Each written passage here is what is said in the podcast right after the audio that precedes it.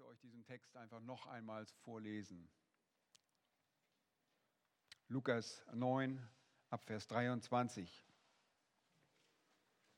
Er, das ist Jesus, sprach zu allen, wenn mir jemand mir nachkommen will, so verleugne er sich selbst und nehme sein Kreuz auf sich täglich und folge mir nach. Denn wer sein Leben retten will, der wird es verlieren. Wer aber sein Leben verliert um meinetwillen, der wird es retten. Denn was hilft es einem Menschen, wenn er die ganze Welt gewinnt, aber sich selbst verliert und schädigt? Denn wer sich meiner und meiner Worte schämt, dessen wird sich auch der Sohn des Menschen schämen, wenn er kommen wird in seiner Herrlichkeit und der des Vaters und der heiligen Engel. Soweit diese Worte haben wir in den vergangenen Wochen gesagt, dass sie diese Worte eine Herausforderung nicht nur für uns als Christen sind, sondern dass sie auch eine Evangeliumsherausforderung sind. Sie rufen den Ungläubigen auf, Christus nachzufolgen. Sie rufen ihn zur Nachfolge, zur Errettung auf. Aber nicht nur eben eine Aufruf, ein Aufrufen zur Nachfolge, sondern ein Aufruf diese Prinzipien und diese Maßstäbe, die Christus hier selbst vorgibt, auch in unserem Leben als Kinder Gottes fortzusetzen. Nachfolge ist nicht ein Event, ist nicht nur ein Ereignis, sondern es ist ein, ein Leben.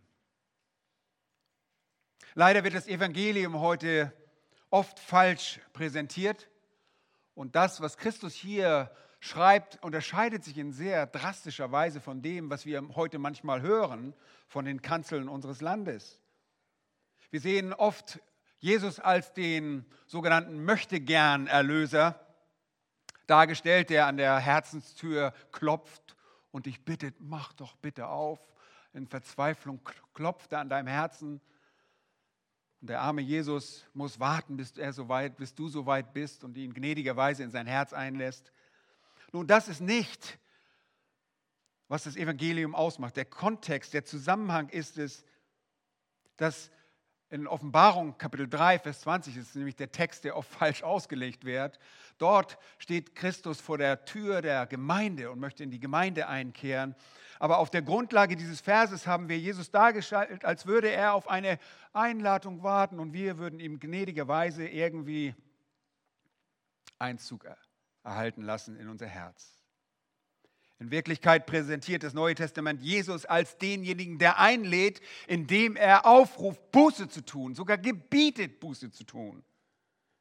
Der den Sünder konfrontiert, der ihn herausfordert und der ihn gebietet, zu ihm zu kommen, sich selbst zu verleugnen, sein Kreuz auf sich zu nehmen und dann im Gehorsam Christus nachzufolgen. Das, ihr Lieben, ist der Kern der Botschaft Jesu, der Kern des Evangeliums, der guten Nachricht. Wenn ihr ewiges Leben wollt, wenn ihr Vergebung eurer Sünde wollt, wenn ihr in das Reich Gottes einziehen und Segen und Frieden und Freude und all diese Dinge für immer und ewig empfangen wollt, dann seht ihr in den Worten Jesu, was ihr dafür tun müsst. Und dieses Wort tun, das ist für viele ein Rotes Tuch, oh, wir müssen was tun für unsere Erlösung. Es gibt Voraussetzungen. Wir können nichts für unsere Erlösung tun, aber wir müssen bereit sein, Christus auf seinen, seiner Ebene und seinen Forderungen zu begegnen. Betrachtet Vers 23 noch einmal. Wenn jemand mir nachkommen will, wenn jemand mir nachfolgen will, das heißt mein Jünger sein möchte, in mein Reich einziehen und meine Vergebung empfangen will, dann müsst ihr Folgendes tun. So verleugne er sich selbst und nehme sein Kreuz auf sich. Und zwar wann? Wie oft? Täglich. Und folge mir nach.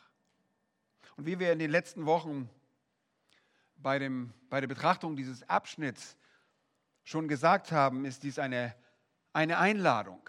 Eine Einladung zum Evangelium und Jesus ist derjenige, der initiiert diese Einladung an Sünder und stellt die Bedingung. Selbstverleugnung, Kreuzesaufnahme und praktischer Gehorsam der zur Nachfolge gehört. Das ist in der Tat der Kern der Botschaft Jesu. Wir haben in den letzten Wochen gelernt, dass die Nachfolge Christi, errettet zu werden, Vergebung zu erfahren, verlangen, dass wir unserem Leben ein Ende setzen müssen. Dass dies den Tod unseres eigenen Egos verlangt. Eine Bereitschaft zu leiden, eine Bereitschaft, Verfolgung auf sich zu nehmen oder auf uns zu nehmen, vielleicht sogar Hinrichtung.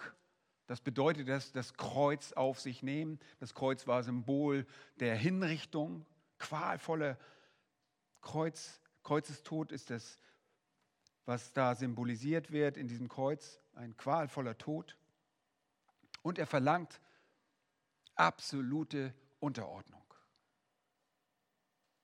Leute, und das ist nicht das, was wir heute so oft hören von Kanzeln. Möchtest du Christ werden? Melde dich, komm, unterschreibe und du bist dabei, du gehörst zum Club. Es ist überhaupt nicht leicht, Christ zu werden.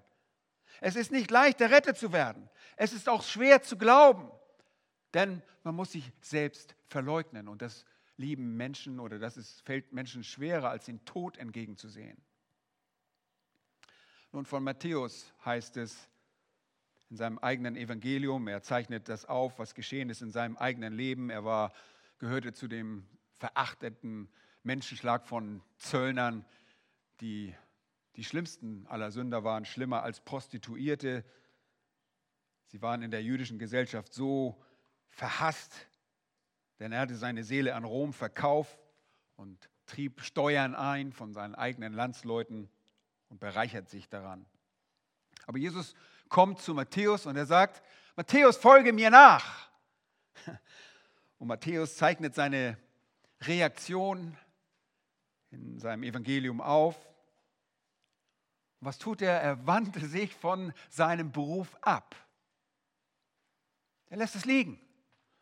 Und er wusste ganz genau, wenn ich jetzt meinen Beruf liegen lasse, dann gibt es irgendeinen anderen Geier, so ein Geier wie er selber war, der sich das unter Nagel reißen würde. Es würde nicht lange da sein, diese Möglichkeit, eine Steuerfranchise der Römer zu haben, sondern das würde er verloren haben und er würde nie wieder zurückkehren. Und als Lukas die Geschichte der Bekehrung von Matthäus erzählt, fügt er in den Kapitel 5, Vers 28 hinzu, dass Matthäus alles verließ. Und genau das ist Jesus, was es Jesus hier auch an dieser Stelle sagt wenn ihr mir nachfolgen wollt, wenn ihr einer der meinen sein wollt, zu mir gehören wollt, von der Sünde errettet werden wollt, in mein Reich sein wollt, dann wird euch das alles, absolut alles kosten. Und ihr müsst alles hinter euch lassen. Und die Frage stellt sich, was ist mit diesem alles wirklich gemeint? Und wir reden hier von Dingen, die Teil unserer selbst sind. Lass uns dazu Vers 25 gehen, um das besser zu verstehen. Da führt Jesus das aus, aus und sagt, denn was hilft es einem Menschen, wenn er die ganze Welt gewinnt, aber sich selbst verliert oder schädigt? Und mit dieser, äh, mit diesem Sprachbild, mit dieser Hyperbel der Übertreibung, drückt Jesus etwas aus, was, etwas, was übertrieben ist, in einer unmöglichen Situation ist oder eine Unmöglichkeit darstellt. Kein einziger Mensch kann buchstäblich die ganze Welt besitzen. Das ist nicht möglich. Aber wir stellen uns einmal äh, theoretisch äh, die Frage, wir stellen uns einfach mal die Frage, was wäre, wenn das möglich wäre. Hypothetisch. Wenn ihr alles besitzen könntet, was das die Welt euch zu bieten hat, was hättet ihr dann? Und dann hätten wir das, was in 1. Johannes Kapitel 2, Vers 16 geschrieben ist. Alles, was in der Welt ist, das ist die Fleischeslust, die Augenlust und der Hochmut des Lebens. Und all das, sagt Johannes, geht zugrunde. Und wenn ihr so wollt, dass ihr das alles habt, dann könnt ihr Gott nicht haben. Denn in 1. Johannes 2, Vers 15, ein Vers davor, sagt Johannes, wenn jemand die Welt lieb hat, so ist die Liebe des Vaters nicht in ihm. Also, worüber reden wir? Wenn wir von der Welt sprechen, alles, wonach eure Leidenschaft sich im Prinzip verzehrt, was eure Augen begehren und wonach euer Stolz verlangt. Aber was wäre, wenn ihr all das bekämt? Wenn jedes Verlangen erfüllt würde, jede Vision wahr würde und jede Selbstverherrlichung möglich wäre? Wenn ihr jede Ehre gewonnen hättet? Stellt euch das nur einmal vor. Was würde das ausmachen? Wenn ihr all das auf der Erde bekämt und eure Seelen dafür für immer verliert. Leute, wie viel ist eure Seele wert? Sie ist mehr als alles wert. Wenn Jesus also sagt, so verleugne er sich selbst, sagt er im Prinzip, wir sollen alles verleugnen, absolut alles, wonach unser Ich, unser beziehungsweise unser Fleisch, wenn ihr nicht erlöst seid, denn es ist tatsächlich euer Ich, dann sollt ihr euer Ich auf dieser Welt, was alles, wonach es sich sehnt, sollt ihr verleugnen. Denn wenn ihr die ganze Welt gewinnen könntet, würdet ihr ein sehr, sehr schlechtes Geschäft machen. Ja, stell dir vor, du kriegst deinen Jaguar. Du kriegst sogar dein wunderschönes Haus mit Swimmingpool. Und du hast eine wunderbare Terrasse, du hast einen wunderbaren Garten. Du hast alles, was du dir erträumst. Selbst dann ist es ein ganz, ganz schlechter Tausch. Wenn das dein Lebensinhalt ist und das deine Liebe im Leben ist, ist es ein absolut schlechter Tausch. Wenn dir alle Ehre zukommt und Leute sich vor dir verneigen, du Herr Präsident angesprochen wirst, Leute dich schätzen, aber du kennst Christus nicht und du verleugnest dich nicht selbst, dann ist es ein sehr, sehr schlechter Tausch. Denn wenn ihr die ganze Welt gewinnen könntet, würdet ihr ein schlechtes, absolut schlechtes Geschäft machen, weil euch das eure Seele kosten würde. Ganz so einfach ist das. Und hört einmal zu, unser Leben wurde wie das von allen Menschen von euren Leidenschaften bestimmt.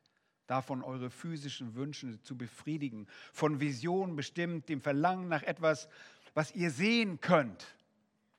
Und bestimmt von einem gewaltigen Wunsch, geehrt oder auch begehrt zu werden. Wir wollen begehrt werden. Wir wollen geehrt werden. Wir wollen im Zentrum stehen.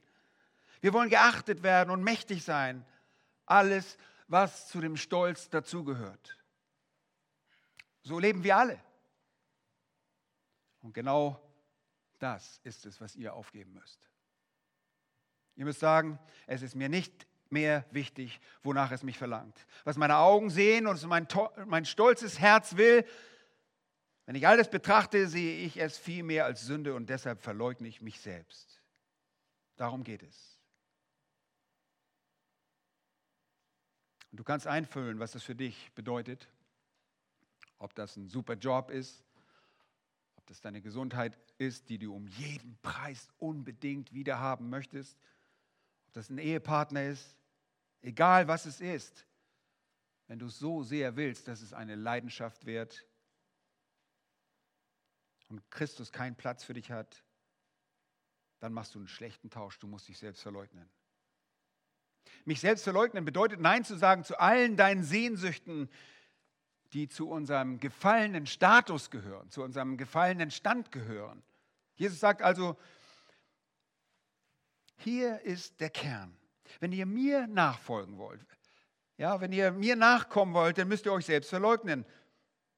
Ihr sagt, ihr werdet nicht mehr für eure eigenen fleischlichen Begierden leben oder für die Dinge, die ihr sehen könnt oder für eure eigene Selbstverherrlichung. Und ihr seid bereit, euch selbst zu verleugnen und gegebenenfalls sogar euer Leben am Kreuz hinzugeben und euch zu verpflichten, gehorsam Folge zu leisten.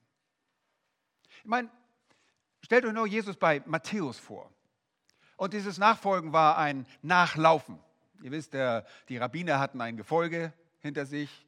Und die Jünger liefen ihnen nach, diesem Rabbiner, und hörten ihm zu. Und er sagt, komm, folg mir nach, lauf mir nach, lern von mir. Ganz praktisch. Aber Matthäus konnte nicht sagen, nein, nein, nein, nein, ich muss erstmal da meine Geschäfte ausführen und nein. Er musste gehen, er musste sich entscheiden. Folge ich Christus ganz nach, dann muss ich alles zurücklassen. Ich kann mein lukratives Geschäft nicht mitnehmen. Und alles, was dir im Wege steht, wo du Christus nicht gehorsam und folgen kannst, bringt dich weg von ihm. Ihr Lieben, das ist der, die richtige Betonung des Evangeliums. Wenn du Christus haben möchtest in deinem Leben, dann musst du alles aufgeben in deinem Leben. Dann musst du dich selbst verleugnen. Dann musst du bereit sein, deine Selbstverleugnung so weit zu treiben, dass du bereit bist, sogar zu sterben. Nicht nur physisch, sondern, wie heißt es, täglich. Täglich deinen eigenen Wünschen zu sterben. Oh, das ist so schwer. Ich kämpfe damit. Ich habe diese Woche so damit gekämpft, mich selbst zu verleugnen. Ich verzweifle oft an mir selbst, weil ich das nicht schaffe. Aber das ist, wozu er aufruft. Und das ist eine Einstellung der Reue, der Buße und der Zerbrochenheit. Und dieser geistlichen Armut, von der Jesus ausspricht in, in der Bergpredigt. Von der Trauer, von diesem geistlichen Bankrott, der Sanftmut des Kummers über eure eigenen Sünde. Und es ist das Ausmaß der Verzweiflung, die sich an die Brust schlägt und sagt, oh Gott, sei mir Sünder einfach gnädig. Es sagt, in meinem Fleisch steckt nichts Gutes. Und das ist etwas, was am Anfang des Weges mit Christus stehen muss, wenn man sich für ihn entscheidet, ihm nachzufolgen. Und diese Maßstäbe, die hier uns gegeben werden, diese Erfordernisse, bleiben bestehen auch im Leben eines Christen. Ich kann nicht sagen, okay, jetzt habe ich mich einmal selbst verleugnet, ab jetzt bin ich wieder Chef. Leider tun wir das sehr häufig. Und es ist so schwierig zu erkennen. Wir machen so viel selbst aus äh, unserem eigenen moralisch-religiösen Anstrengung. Und deshalb kein Wunder, dass wir in irgendeiner Gesetzlichkeit landen, dass wir unsere eigenen Gesetze aufbauen oder dass wir irgendwo frustriert am Wegesrand sitzen bleiben. Weil wahre Nachfolge ist nicht Trauer, sondern ist echte Freude. Wahre Nachfolge ist nicht Gesetzlichkeit. Und das, ihr Lieben, ist der Kern der Botschaft Jesu. Und wenn ein Sünder Jesus in das Reich kommen, äh, folgen will, dann muss er sich voll und ganz aufgeben. Und dieses voll und ganz, das verstehen wir manchmal nicht. Wir wollen viele Dinge mitnehmen. Und Jesus illustriert das nochmal, diese Wahrheit in Vers 24. Die, äh, wir haben über dieses Paradoxon gesprochen. Da sagt er, wer sein Leben retten will, der wird es verlieren. Wer aber sein Leben verliert, um meinetwillen, der wird es erretten. Um ewiges Leben zu bekommen, müsst ihr euer Leben aufgeben. Ja, Matthäus hätte sagen können, meine Güte, das ist doch meine Rentenversicherung. Ich kann doch hier nicht meinen Job aufgeben und dem Christus nachfolgen. Der hat nicht mal ein Haus, wo ich hinlegen kann. Nicht mal ein Bett. Wenn ihr euch an eurem Leben festklammert, wenn ihr euch an eurem irdischen Leben festklammert und euren Begierden und Sehnsüchten und Wünsche und euren Stolz nicht aufgeben wollt, dann werdet ihr eure ewige Seele einbüßen. Nur derjenige, der sich selbst aufgibt, der wird in das Reich Gottes einziehen. Jesus gibt diese Botschaft immer und immer wieder an verschiedenen Orten, wo immer er hingeht, weil das der Kern seiner Botschaft ist. Und die Frage ist, wenn ihr Rettung wollt, seid ihr bereit, das Irdische für das Himmlische zu opfern? Maria hat es gerade gesungen. Sind wir bereit, alles zu geben für das Himmlische, für diese Belohnung? Und unser, unser Lohn wird sein, Christus zu sehen. Sind wir bereit, das zu tun? Seid ihr bereit, das Reich der Menschen für das Reich Gottes aufzugeben? Seid ihr bereit, das Vergängliche für das Ewige aufzugeben? Seid ihr bereit, das Sündhafte für das Heilige aufzugeben? Glaub mir, das ist absolut nicht einfach. Aber das Evangelium muss auf dieser Grundlage präsentiert werden. Nun, heutzutage wollen wir es den Menschen so einfach wie möglich machen und deshalb haben wir diesen armen, traurigen Jesus, der an der Herzenstour klopft und, oh, bitte lass mich rein, ich will dein Herr werden, ich werde dein Leben erfüllen und Das ist nicht das Evangelium. Wisst ihr was? Ein Sünder kann nicht mal von sich selbst kommen. Gott muss ihn selbst ziehen. Und viele wollen das nicht wahrhaben. Viele wollen auch die Lehre Jesu nicht wahrhaben. Und einige der Jünger, die mit Jesus gingen, in Johannes 6 macht das sehr deutlich, gehen nicht mehr mit ihm, weil seine Lehre so schwer ist. Schaut mal nach, Johannes 6, 66. Sie können nicht einfach sagen, okay, ich entscheide mich für Jesus jetzt. Ehrlich gesagt kann das kein Sünder tun. Sich selbst von den Toten auferwecken, um seine blinden Augen sehen zu machen, seine tauben Ohren hören zu lassen und sein verhärtetes Herz zu erweichen. Es ist nicht einfach, Christ zu werden. Es ist nicht nur nicht einfach, Christ zu werden, es ist unmöglich.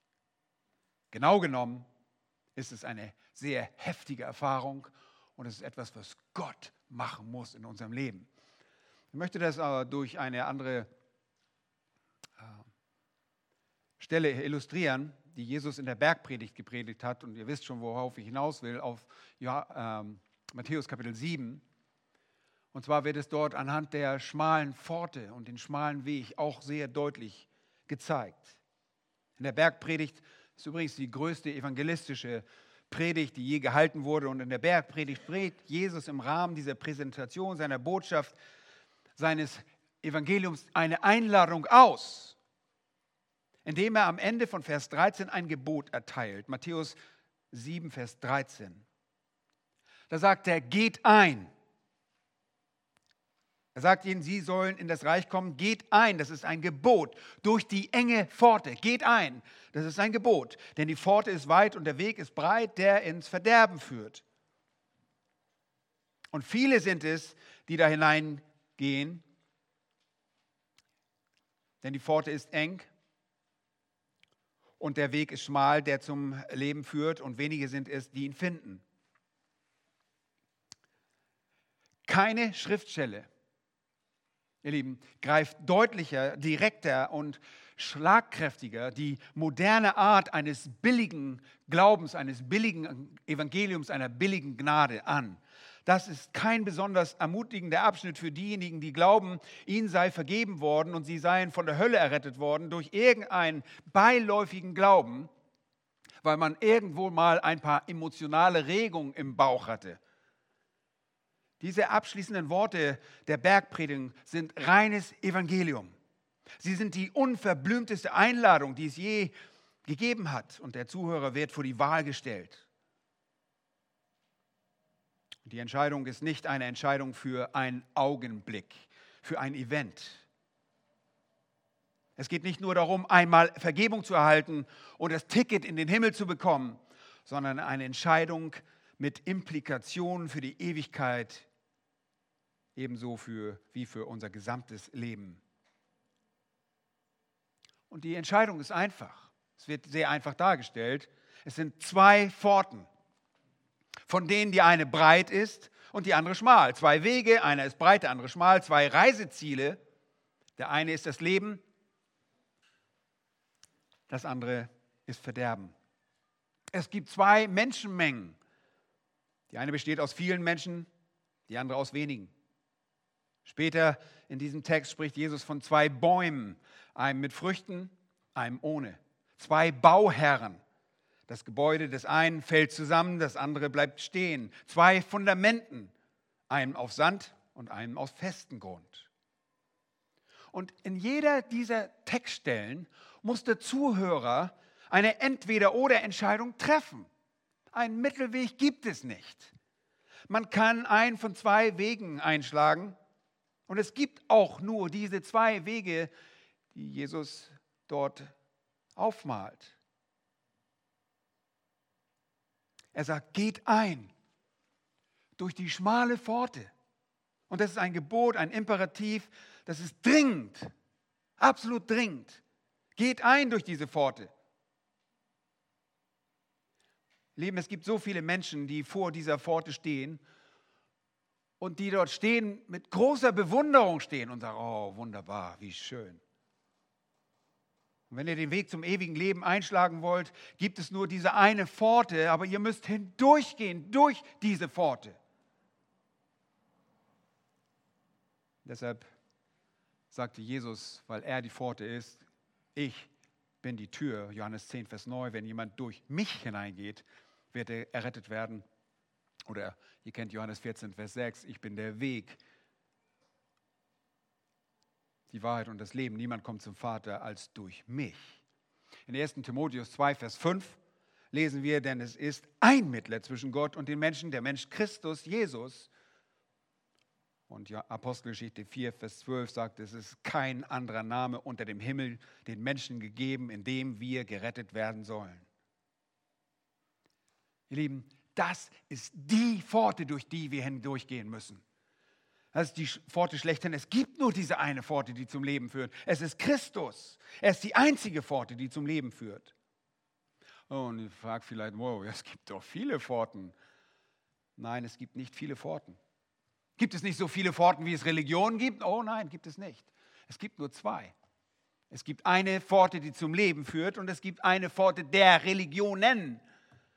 Die Religionen haben alle etwas gemeinsam mit sich die Anstrengung des Menschen, zu Gott zu kommen, auf irgendeine Art und Weise selbst in sich Gerechtigkeit zu finden, Gott wohlgefällig zu sein, um dann zu Gott zu kommen, ist die andere Pforte, die zum Verderben führt. Es gibt nur eine Pforte, die zum Himmel führt und eine Pforte, die zur Hölle führt. Und die Pforte, die zur Hölle führt, gibt sich zwar als der Weg zum Himmel aus, aber sie führt nicht dorthin. Dort gibt es Lug und dort gibt es Trug. Entweder wandelt ihr auf dem Weg Christi oder auf einem anderen Weg. Entweder wandelt ihr auf dem Weg Christi aus Gnade durch Glauben an Christus allein oder ihr wandelt auf einem anderen verderblichen Weg. Hier, gibt es nicht, hier geht es nicht um einen Vergleich, bei dem Religion mit Heidentum oder Atheismus verglichen wird. Das ist nicht der Fall. Hier geht es darum, das Christentum mit jeder anderen, hier geht es darum, äh, das Christentum mit jeder anderen Religion zu vergleichen. Nicht mit dem Atheismus, nicht mit dem Heidentum. Es gibt nur zwei Religionen auf der Welt. Es gibt die Religion, die allein aus Gnade rettet und die Religion der Werke, die verurteilt. Nur zwei Wege. Nur durch Christus gelangt ihr zum Leben. Christus allein bietet Rettung. Und Gott rettet jene, die ihr Vertrauen allein durch Gnade in Christus gesetzt haben, wegen der Werke Christi auf Erden und am Kreuz und bei der Auferstehung. Jede andere Religion ist ein breiter Weg, der zum Verderben führt. Und es ist egal, wie diese Religion sich nennt oder wie die Einzelheiten dieser Religion aussehen, sie sind alle gleich, sie beruhen auf Werken irgendeiner Art menschlicher Leistung im Gegensatz zu einer göttlichen Errungenschaft, die für den christlichen Glauben gilt. Ob die menschliche Leistung nun irgendein zeremonielles, sakramentales System der Werke ist, das irgendwie mit dem Christentum verbunden ist, oder ob es sich um irgendeine heidnische Religion wie zum Beispiel der Hinduismus oder eine andere Sache ist, alles, was Werke voraussetzt, Zeremonien, religiöse Pflichten, das ganze, äh, die ganzen moralischen eigenen Errungenschaften als Erfordernis für die Rettung ist Teil dieses breiten Weges. Und dieser breite Weg hat viele Namen, aber sie alle behaupten, dieser Weg würde zum Himmel führen. Aber das ist eine Lüge, sie führen zur Hölle. Alles andere als das Christentum führt euch in die Hölle. Oh, ich weiß, das darf man kaum noch sagen heute, aber das ist so, das ist die Wahrheit. Und ihr könnt nur dann auf dem Weg zum Himmel gelangen, wenn ihr durch die Pforte geht. Wenn ihr durch Christus kommt. Wenn ihr in den Himmel kommen wollt, gibt es nur eine Pforte. Und hier im Text lesen wir auch, dass viele durch die breite Pforte den breiten Weg beschreiten und damit den Weg ins Verderben laufen. Und Verderben ist hier das Wort, das die Hölle beschreibt. Es ist die ewige Strafe. Der Herr sagt, zieht ein durch die schmale Pforte. Und der Begriff, den er hier beschreibt, ist eine sehr, sehr, sehr enge, sehr schmale Pforte. Man muss sich hindurchdrängen. Es ist eine Pforte, durch die man nur sehr, sehr schwer hindurchkommt und die man nur einzeln und zwar hintereinander durchkommt. Man kommt nicht in Gruppen zu Christus. Und es ist nicht leid, dort hindurchzukommen. Ihr könnt nichts mitnehmen. In Lukas Kapitel 13 lesen wir, dass Jesus, als er in den Dörfern lehrte, gefragt wurde, Herr, wenn das so ist, sind es wenige, die errettet werden? Die Leute verstanden, konnten auf einmal verstehen, was er da sagt. Was würden sie den Herrn, warum würden sie sowas fragen? Nun, weil das die Botschaft war, die er verkündigte. Es gibt nur wenige. Die schmale Pforte ist sehr schwer zu finden. Sie ist sehr schmal. Sie hat Anforderungen. Sie stellt Anforderungen. Und diese Anforderungen sehen wir in Lukas Kapitel 9. Und wenn man nicht alles Weltliche ablegt, dann kann man nicht durch diese Pforte eingehen und man kann nicht auf den schmalen Weg gelangen. Auf die Frage, ob nur wenige errettet, worden, äh, errettet werden, antwortet er in Vers 24 dort in Lukas 13, ringt danach, durch die enge Pforte hineinzugehen. Denn viele, sage ich euch, werden hineinzugehen suchen und es nicht können. Habt ihr das gehört? Hört man kaum noch, oder? Die versuchen da einzugehen, aber sie können es nicht. Das ist eine erstaunliche Aussage. Die Menschen werden diese schmale Pforte, die schmale Tür finden und werden hindurchgehen wollen, aber sie werden es nicht können. Und deshalb sagt Jesus, ringt danach. Und das griechische Wort, das hier gebraucht wird, ist agonizomai, bedeutet sich quälen, sich abmühen. Und das impliziert einen mühsamen, persönlichen und einen intensiven Kampf. Dasselbe Wort wird in 1. Korinther 9, 25 verwendet, um einen Sportler zu beschreiben, der danach ringt, der darum kämpft, einen Sieg zu erringen. Und es wird in Kolosser 4, 12 für Epaphras verwendet, der inbrünstig kämpfte, sogar bis an den Rande des Todes. Und es wird in 1. Timotheus 6, Vers 12 verwendet, um einen Soldaten zu beschreiben, der den guten Kampf des Glaubens kämpft. Es ist ein Wort, das Kampf und Mühe ausdrückt. Und es ist ein Wort, das Gewalt beinhaltet. Jesus sagt hier, ihr müsst in mein Reich kommen und ihr müsst auf dem Weg in den Himmel sein, aber es ist eine heftige Erfahrung voller Selbstverleugnung. Das ist dieser Kampf. Der ist nicht leicht. Der ist überhaupt nicht leicht. Um durch diese Pforte zu kämpfen, müsst ihr in diesen Kampf gehen und ihr müsst wollen. Jesus sagte in Matthäus 11, 12, sogar bis jetzt wird dem Reich der Himmel Gewalt angetan und Gewalttuende reißen es an sich, sagt er. Ihr Lieben, wir stolpern nicht nur einfach so ins Christsein und in das Reich Gottes. Das ist uns vielleicht überall so gesagt worden. Bei irgendeiner Evangelisation werden ein paar Gefühle in deiner Bauchgegend und erzeugt und du denkst, du musst unbedingt das haben, dass du in den Himmel kommst. Aber du bist nicht bereit, die Kosten der Nachfolge zu überschlagen. Der Einzug durch die schmale Folge ist ein heftiges Erlebnis. In Lukas 16, Vers 16 sagte Jesus sogar, das Reich Gottes werde verkündigt und jedermann dränge sich mit Gewalt hinein. Petrus sagt in 1. Petrus 4, 18, dass der Gerechte nur mit Not gerettet wird. Man sollte meinen, errettet zu werden sei die einfachste Sache der Welt. Man muss einfach die Hand ausstrecken und dieses Geschenk annehmen oder dieses Gebet sprechen und nach vorne gehen, wenn, der, wenn man zum Altar nach vorne aufgerufen wird, das wurde früher sehr häufig so gemacht. Äh, oder auch bei einer Kinderevangelisation, die Kinder ein bisschen richtig manipulieren. Oh, da gehen alle Hände hoch, ich sag's euch. Aber so steht es nicht in der Bibel. Petrus hatte recht, er wusste, was Jesus predigte und er sagte, dass der Gerechte nur mit Not gerettet wird. Derjenige, der wirklich errettet wird, wird nur unter Schwierigkeiten gerettet. Errettung ist nicht einfach und es ist schwierig. Die Pforte ist schmal und sie ist schwer zu finden. Und das Durchschreiten dieser Pforte beinhaltet ein gewisses Maß an Gewalt, nämlich sich gewaltsam allen Dingen zu entsagen. Jeremia hatte das sicherlich im Hinterkopf, als er in Jeremia 29, Vers 13, nicht, dass er die Worte Jesu gehört hat, weil er davor lebte, aber er sagte, ja, ihr werdet mich suchen und finden, wenn ihr von ganzem Herzen nach mir verlangen werdet. Lieben, das, das ist, steht im Vordergrund. Wir müssen es von ganzem Herzen wollen. Er meinte, was er sagte, nicht mit einem Teil eures Herzens, Halbherzigkeit. Liebe, das Wort lieben wir so sehr. Und ich habe gemerkt, wie, wie sehr ich dieses Wort auch oft liebe, diese Halbherzigkeit.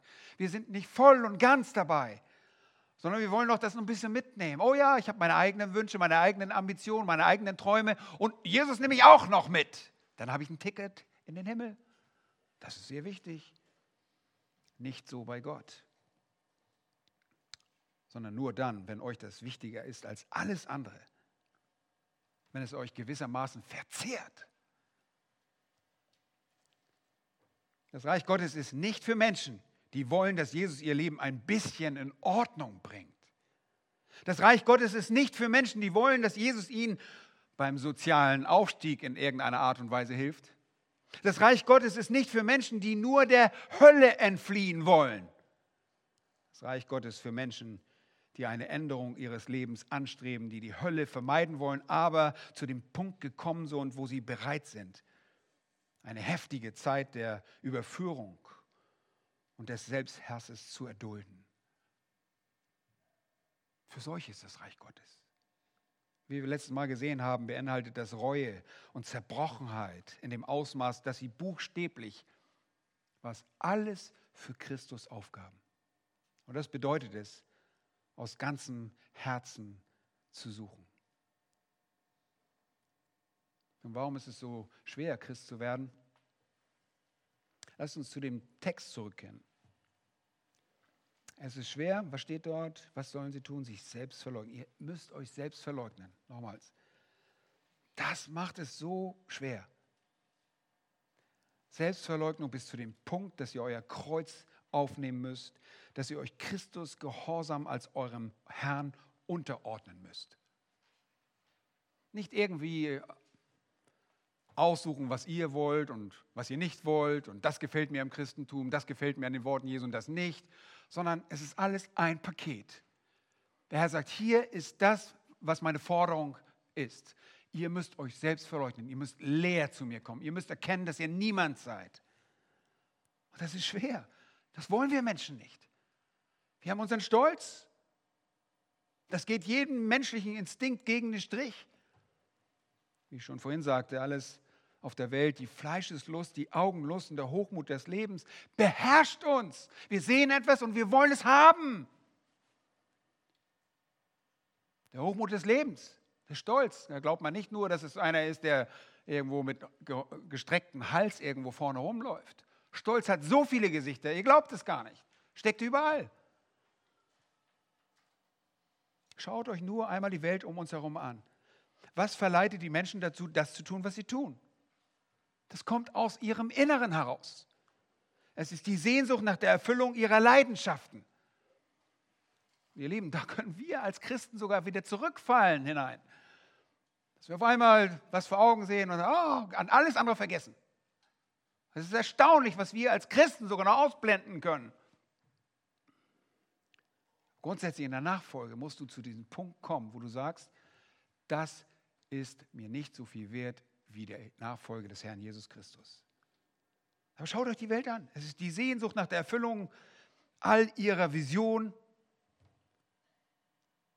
Sie sehen etwas Schönes, dies und das, etwas Extravagantes und wollen es. Sie werden angetrieben von Sehnsüchten. Und das dominante Verlangen, Ehre, Akzeptanz, Prestige, Respekt, Stolz, Zuneigung, Einfluss, all das will der Mensch. Und so ist das Leben von Menschen. So leben sie. Und das ist ihre Welt. Und deshalb sagte Jesus, wenn man euch die ganze Welt zu diesen Bedingungen zu Füßen legen würde, alles, wonach euch euer Herz sich ausstreckt oder sich sehnt und verlangt, alles, was ihr seht und was ihr zu eurer eigenen Selbstverherrlichung wünscht, wenn ihr all das hättet, nochmals, dann wäre das ein was? Ein schlechtes Geschäft, wenn ihr dafür eure Seelen verlieren würdet. Und deshalb sagt er in Vers 24, wenn ihr euer Leben retten wollt, müsst ihr es verlieren. Wenn ihr euer Leben verliert, werdet ihr es finden.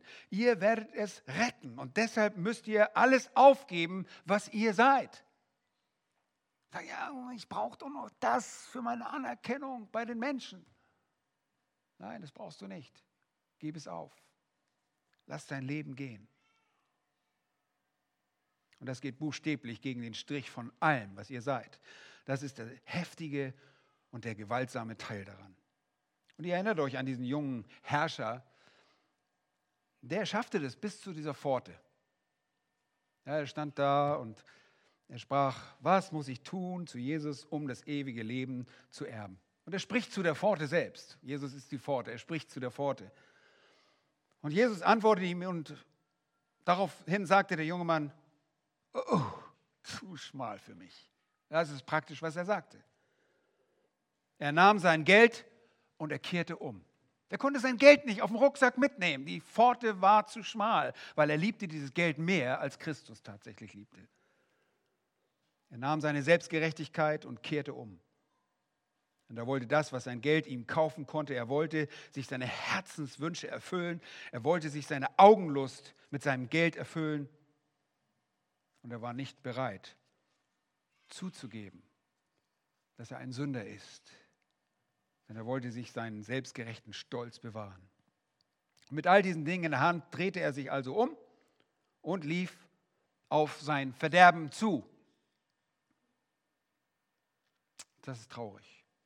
Er wandelte auf einem religiösen Weg, aber es war der breite. Und er führte vermeintlich zum Himmel, in Wirklichkeit jedoch zur Hölle. Auf diesem Weg hatte man viel Platz, konnte auch sein Geld mitnehmen. Und ihr werdet genügend Religionen finden, die all euren Bedürfnissen zusagen. Ha, es gibt tolle Religionen, da könnt ihr alles mitnehmen, was ihr wollt. Euren ganzen Ballast. Und die sagen, hey, klasse, was bist du für ein schöner Mensch. Was, du liebst einen Baum? Wunderbar. Ja, ich habe heute Morgen mit einem Baum gesprochen, der hat mir geantwortet. Wunderbar, also wirklich, willst du nicht einen Vortrag darüber halten? Ah, ihr Lieben, das sind, das sind Wege, die zu Verderben führen. Und der breite Weg ist leicht. Man kann ihn leicht beschreiten, man muss sich nur der Religion anschließen, viel Freiheit. Satan hat für jeden etwas dabei. Er liebt Religion. Umso mehr, desto besser. Aber das ist nicht das Evangelium, das Jesus gepredigt hat. Jesus sagt Dinge, die sehr krass und eng gefasst sind.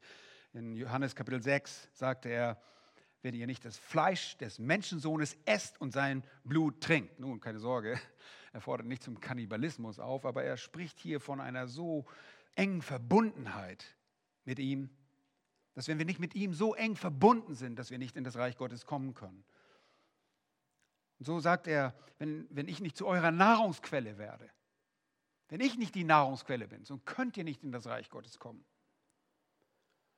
Und später, wie ich schon vorhin sagte, in Johannes 6, viele seiner Jünger gingen nicht mehr mit ihm. Sie kamen bis zu der, dieser Pforte, sie sahen diese Pforte, aber die Kehr, diese Pforte war ihnen zu schmal und sie kehrten ihr den Rücken und sie gingen auf den breiten Weg zurück, der zur Hölle führt, und in ihrem Fall war das was? Der Judaismus. Und dann drehte Jesus sich zu denen, die zurückblieben und sagte, wollt ihr auch weggehen? Und wie wunderbar ist die Antwort des Petrus, der stellvertretend antwortet und sagt, Herr, zu wem sollten wir gehen? Du, nur du allein hast Worte des ewigen Lebens. Und was sie hier eigentlich sagten, die Jünger, war, wir wissen, dass du der einzige Weg bist und wir sind durch die schmale Pforte gegangen. Und schlagt einmal Lukas 14 auf. In Lukas 14, 25 wird über ein Ereignis im Leben Jesu berichtet, das euch einen kleinen Einblick in seine Evangelisationstechnik oder Taktik gewährt. Er zog eine große Volksmenge mit ihm und eine große Menschenschar, die ihm überall hin folgte. Und er drehte sich zu ihnen und sagte umgangssprachlich etwa, wenn jemand zu mir kommt und hasst nicht seinen Vater und seine Mutter und seine Frau und Kinder, Brüder, Schwestern, dazu auch sein eigenes Leben, so kann er nicht mein Jünger sein. Und wenn er nicht sein Kreuz trägt, das ist die Bereitschaft zu sterben, habe ich nicht den Vers gesagt, ist es 1425? Und wer nicht bereit ist, sein Kreuz zu tragen, das ist, ist wirklich die Bereitschaft zu sterben, und mir nachkommt, der kann nicht mein Jünger sein. Ja, das ist eine sehr befremdliche Art der Evangelisation. Was für eine Art, die Menschenmassen nach Hause zu schicken. Wenn ihr nicht bereit seid, zu mir zu kommen mit Leib und Seele, mit solch einer Hingabe, dass es euch euren Vater oder eure Mutter oder Frau oder eure Kinder oder Brüder, eure Schwester oder euer Leben kosten könnte, dann kommt ihr nicht zu meinen Bedingungen, sagt er.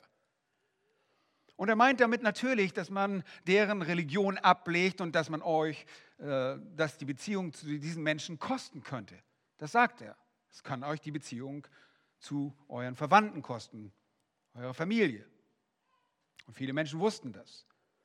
Ihr werdet Christ und dadurch ist jeder in eurer Familie, der kein Christ, automatisch entfremdet.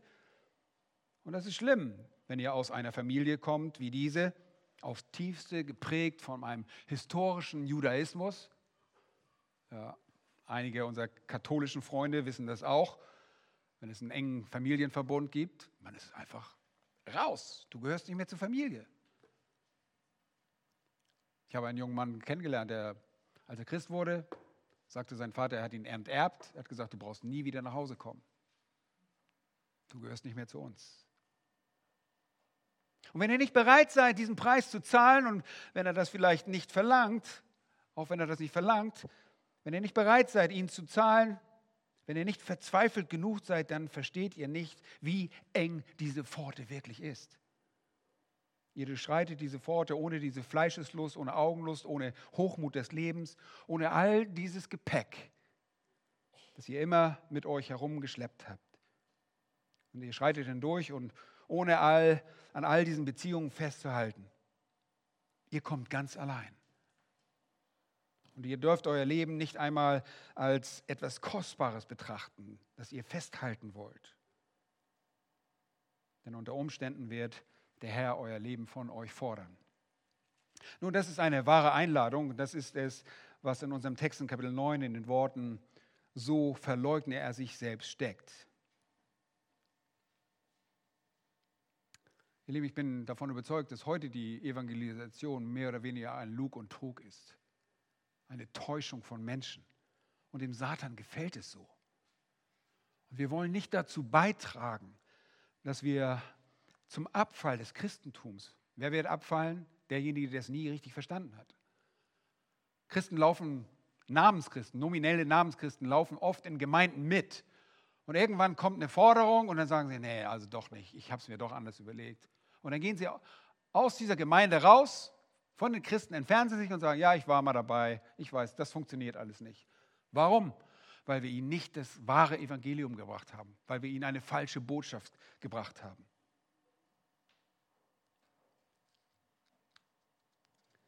Jesus hat ihnen die ganze Botschaft gesagt. Und es gibt einen Scheideweg, um Christ zu werden. Und man kann nicht an dem festhalten, was man von sich selbst verwirklichen will, wenn es im Gegensatz zu dem steht, was Gott von dir erwartet. Nun, im Rahmen dieses Kampfes, in dieser Aufforderung, kommt jeder zum Punkt der Zerknirschung und Buße oder der Verzweiflung, wenn er wirklich Buße tut, wo er alles hinter sich lässt, was ihm in der Vergangenheit lieb und teuer war und wo er dann Christus um jeden Preis annimmt. In diesem nächsten Vers 26, an dem Sam auch beim nächsten Mal auch fortsetzen wird, aber hier im Vers 26 unserer Textstelle hat Jesus seiner Botschaft dann noch mehr Nachdruck verliehen hier sehen wir die Kraft, die er einsetzt, um zu versuchen, Menschen dahin zu bringen, die richtige Entscheidung zu treffen. Und da heißt es, denn wer sich meiner und meiner Worte schämt, dessen wird sich auch der Sohn des Menschen schämen, wenn er kommen wird in seine Herrlichkeit und der des Vaters und der heiligen Engel. Was bedeutet das? Ihr Lieben, wenn Jesus kommt, dann wird er richten. Jesus identifiziert hier alle, die keine Buße tun und nicht glauben, als diejenigen, die sich schämen werden. Okay? Die sich seiner schämen. Denn wer sich meiner und meiner Worte schämt, und wer mich und mein Evangelium nicht mag, die beiden lassen sich nicht trennen. Viele Menschen haben Jesus bewundert, aber sie hassen das Evangelium. Sie denken, ja, der war ein richtig toller Typ, aber sie hassen seine Worte. Viele Menschen bewundern ihn und das nicht errettende unbiblische Evangelium, das sie gehört haben. Aber Jesus sagt, wenn ihr euch meiner und meiner Worte schämt, wenn ihr sie also ablehnt, sie verachtet, sie inakzeptabel findet, dann werde ich euch auch inakzeptabel finden. Ich werde euch schändlich finden. Ich werde euch verachtenswert finden. Wenn ihr das Evangelium für töricht haltet, werde ich euch für töricht halten. In Matthäus Kapitel 10 Verse 32 und 30 sagte Jesus ähnliche Weise, jeder nun, der sich zu mir bekennt vor den Menschen, vor dem werde ich auch mich bekennen vor meinem Vater im Himmel. Wer mich aber verleugnet vor den Menschen, den werde ich auch verleugnen. Schämt ihr euch für Christus und seine Worte? Oder seid ihr bereit, das Evangelium freimütig und öffentlich zu bekennen? Das ist die Frage. Wenn ihr ein Leugner seid, ein Leugner der wahren Botschaft des Evangeliums, wenn ihr euch seinetwegen schämt, wenn die Verkündigung des Kreuzes für euch Torheit ist, dann gehört ihr zu denen, die verloren gehen und die eines Tages gerichtet werden bei seiner Ankunft. Und wenn ihr Jesus bewundert, werdet ihr sagen, Herr, Herr, wir haben doch sehr viele Wunder in deinem Namen getan. Wir haben in deinem Namen verkündigt, wir haben, deine, wir haben Dämonen ausgetrieben. Oh, wir können einiges vorweisen. Aber ihr werdet im Gegenzug hören, ich habe euch nie gekannt. Weicht von mir, ihr Gesetzlosen. Und Bewunderung alleine genügt nicht. Zu sagen, dass ihr Christus schätzt und ihm dient, ist nicht genug. Das zu sagen bedeutet gar nichts. Es gibt viele, die werden das sagen, Matthäus 7. Viele auf dem breiten Weg sind diejenigen, die Jesus bewundert haben sich nicht durch die enge Pforte gekommen sind. Sie sind nicht mit gebrochenen und reumütigen Herzen zu ihm gekommen und ihr Herz ist nach wie vor stolz, hochmütig und ist nicht belehrbar, ist nicht bereit zu erkennen, wer sie eigentlich sind vor Christus.